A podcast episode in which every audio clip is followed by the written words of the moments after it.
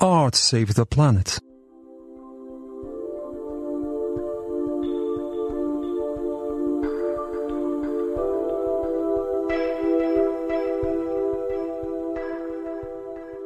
Nazywam się Maria Świerżewska, jestem historyczką sztuki, pracuję w Zachęcie Narodowej Galerii Sztuki w dziale zbiorów.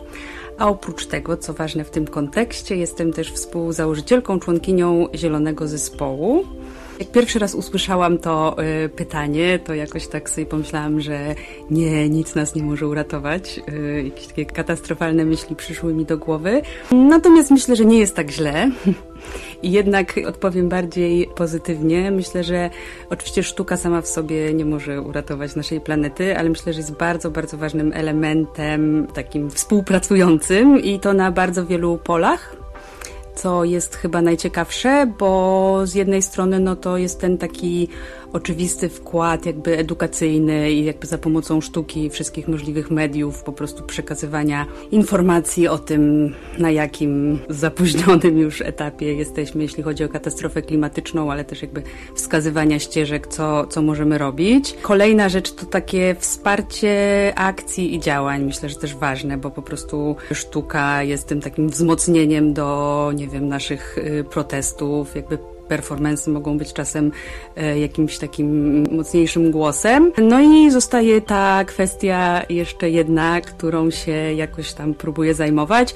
No, czyli jakby zmiana świata sztuki i odpowiedź e, świata sztuki instytucji na ten problem. Okazało się w zachęcie, że jest e, kilka osób, które podobnie myślą, znaczy mają takie poczucie, że kwestie klimatyczne są dla nich ważne w życiu prywatnym, a że jest jakieś takie lekkie rozdwojenie jaźni, bo przychodzimy do pracy i właśnie, nie wiem, drukujemy setki kartek, zużywamy mnóstwo plastiku. Mówię tu o tym też ze swojej działki, bo, nie wiem, zajmuję się ruchem obiektów, więc po prostu zużywam bardzo dużo folii bąbelkowej na co dzień i mnie to boli. I właśnie okazało się, że jest trochę osób, które myślą podobnie. Postanowiłyśmy jakoś spróbować zadziałać. Powołałyśmy ekozespół, czyli kilka osób, które no, zaczęło się od takiego jakby mapowania problemów, mapowania też naszych możliwości.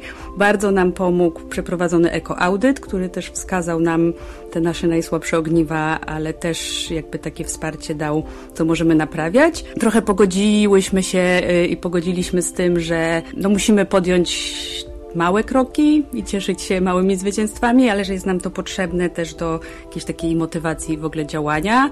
I z takich podstawowych rzeczy, które udało nam się zrobić, ja mm, wiem, że to wszystko brzmi jakoś tak super y, podstawowo, ale to też są rzeczy, które po prostu się wcześniej nie działy. No to zrobiliśmy w końcu porządek z segregacją śmieci, bo to był jakiś tam problem w naszej instytucji. Zrezygnowaliśmy z plastiku, z plastikowych butelek, z jakby w ogóle użycia tych jednorazowych sztućców, naczyń i tak. I zachęcamy wszystkich do picia kranówki. Zrezygnowaliśmy z druku zaproszeń, przeszliśmy na papier y, z recyklingu, pierzemy rękawiczki białe, bawełniane, czyli no takie drobne działania, ale y, też myślę pokazujące, no też ważne dla nas jest to budowanie świadomości jakby zespołu i, i naszej publiczności. Bardzo zależy mi na tym, żeby jakby ruszyć z tematem w ogóle produkcji wystaw, bo to jest y, to jest duże zagadnienie i też jest to no, duże zużycie energii, emisja. Mamy tylko i wyłącznie wystawy czasowe, niestałe, w związku z tym jest to duży ruch obiektów, duża produkcja i nowych dzieł, i etalażu, architektury i tak dalej. I też jakby zależy nam na tym, żeby współpracować z projektantami kuratorami i też pokazać im, że można inaczej, że można w bardziej zrównoważony sposób projektować i korzystać z materiałów i ponownie używać. I też się dzielić. Zależy nam bardzo na tym, żeby już powstała na razie taka robocza wersja jakby katalogu tego etalażu, który mamy i yy, wydaje nam się, że super by było, żeby i u nas on był ponownie użytkowany, ale też żeby inne instytucje mogły korzystać i żebyśmy mogli się dzielić tym Myślę, że sztuka jest niezbędna do tego, żeby y, działania mające na celu ratowanie planety przyniosły jakieś efekty.